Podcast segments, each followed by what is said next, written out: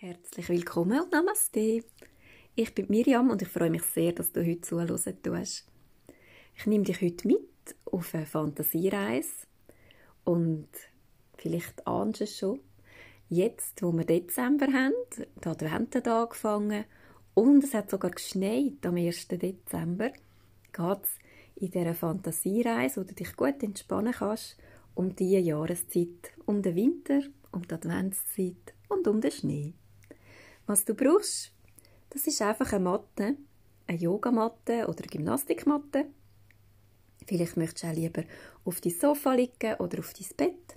Mach es dir einfach dort gemütlich, wo du jetzt am liebsten wärst. Und zum Starten kannst du dich einfach mal ganz bequem auf den Rücken legen.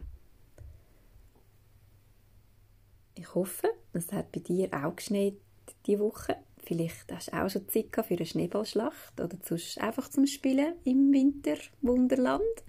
Und vielleicht bist du sogar schon in Genuss gekommen, schlitteln zu gehen. Bei uns im Unterland hat es jetzt leider noch ein wenig Schnee. Mit dem Schlitteln ist es noch nicht, aber wer weiß. Vielleicht schickt uns Frau Holle ja noch mal ein bisschen Schnee. Wäre doch mega schön, wenn wir das Jahr weisse Weihnachten hätten. So liegst du jetzt bequem auf deinem Mätteli oder auf deiner Unterlage auf dem Rücken und kannst mal deine Augen schliessen. Deine Atmung kommt und geht durch deine Nase ein und vielleicht schnaufst du mal durchs Maul aus. Zum Yoga schnaufen wir eigentlich meistens durch die Nase ein und durch die Nase wieder aus. Aber bei diesen Übungen oder diesen Fantasiereisen kannst du auch gut, gut, gut durchs Maul ausatmen. So, wenn du das Maul ausschnaufst, kannst du dir vorstellen, wie wenn du etwas würdest gehen, loslassen, wo dich vielleicht ein bisschen belastet oder vielleicht ein bisschen gestresst fühlst, kannst du den Stress durchs Maul ausschnaufen. Vielleicht geht es dir aber auch super, mega gut und du bist jetzt schon unentspannt. Dann kannst du auch für dich entscheiden, ob du vielleicht nur willst, durch die Nase ein- und ausatmen Hast du im Winter wenn es frisch geschneit hat, mal ausprobiert, dich ganz behutsam auf den Rücken zu legen, in Schnee. Am besten geht es dort, wo noch niemand sonst in Schnee reingetrampelt ist oder reingelegen ist. Wenn du dann deinen Kopf zuerst ein bisschen auf die eine Seite rollen tust und dann ein auf die andere Seite, kannst du sehen, dass dein Körper ein bisschen in Schnee eingesackt ist. So schön schwer ist er dein Körper in dem lockeren Schnee. Wenn ich gerade sage, meine Arme und meine Beine sind schwer, dann kannst du davon träumen, so im Schnee zu liegen, dass deine Arme und deine Beine schwer in den Schnee einsinken. Gerade so viel einsinken, wie du magst. So atme nochmal tief und kräftig ein und aus. Mach das noch zwei, drei Mal.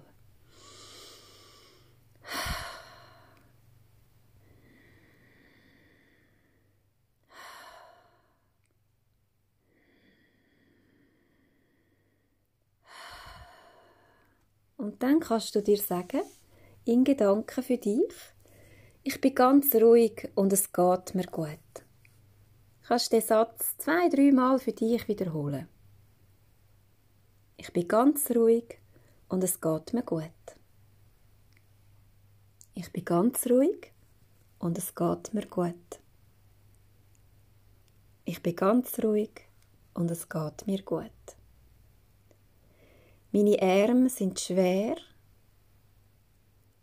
Meine Arme sind schön schwer. Beide Arme sind schön schwer. Meine Beine sind schwer. Meine Beine sind schön schwer. Beide Beine sind ganz schön schwer. Meine Arme und meine Beine sind schwer. Meine Arme und meine Beine sind schön schwer. Meine Arme und meine Beine sind ganz schön schwer. Ich bin ganz ruhig und es geht mir gut. Du darfst nochmal für dich wiederholen. Eins, zweimal. Ich bin ganz ruhig und es geht mir gut. Ich bin ganz ruhig und es geht mir gut. Jetzt schnuff wieder ein bisschen tiefer ein. Wenn du die Augen geschlossen hast, kannst du sie jetzt aufblinzeln.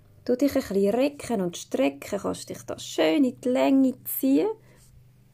Vielleicht magst du auch ein bisschen die Füßgelenke auskreisen, die Handgelenke auskreisen. Vielleicht willst du ein bisschen deine Zehen und die Finger bewegen. Oder den Kopf ein bisschen von links nach rechts drehen, so dass du wieder ganz wach wirst.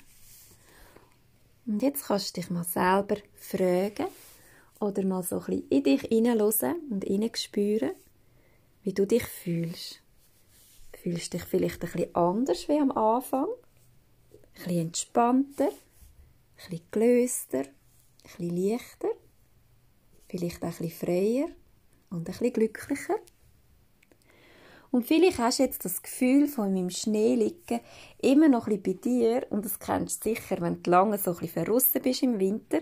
Irgendwann wird es mal ein bisschen kalt und dann ist es dann gut, wenn man wieder ins warme Daheim rein kann. Und am liebsten wärmt man sich ja dann auf. Vielleicht hast du mega gerne heiße Schoki oder einen schönen, warmen, feinen Tee. So, nimm dir doch jetzt Zeit und mach dir einen Tee oder eine heiße Schoki, um dich wieder ein bisschen aufwärmen. Und wenn du Hilfe brauchst für das, frag doch deine Mami oder deinen Papi oder vielleicht hast du noch einen grossen Bruder oder eine grosse Schwester, die dir helfen kann. Und dann geniess deinen Tee oder deine Schokimilch. Geniess sie in Ruhe. Du ganz bewusst einfach nur mal deinen Tee oder deine Schokimilch trinken gar nichts anderes nebenbei machen.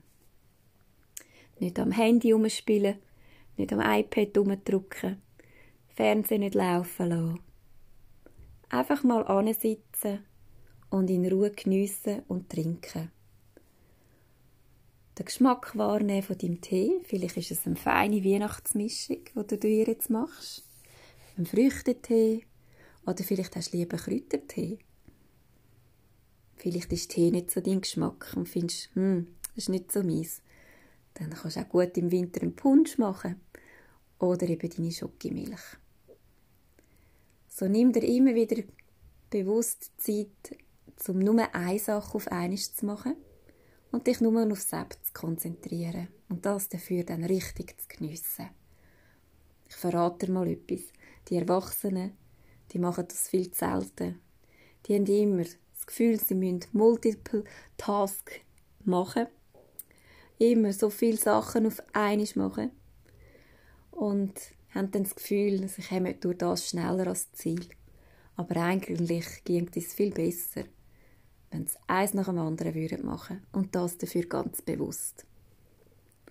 So bist du jetzt mit dem schon mal einen weiten Schritt voraus, im Gegensatz zu den Erwachsenen, die immer alles gleichzeitig erledigen wollen.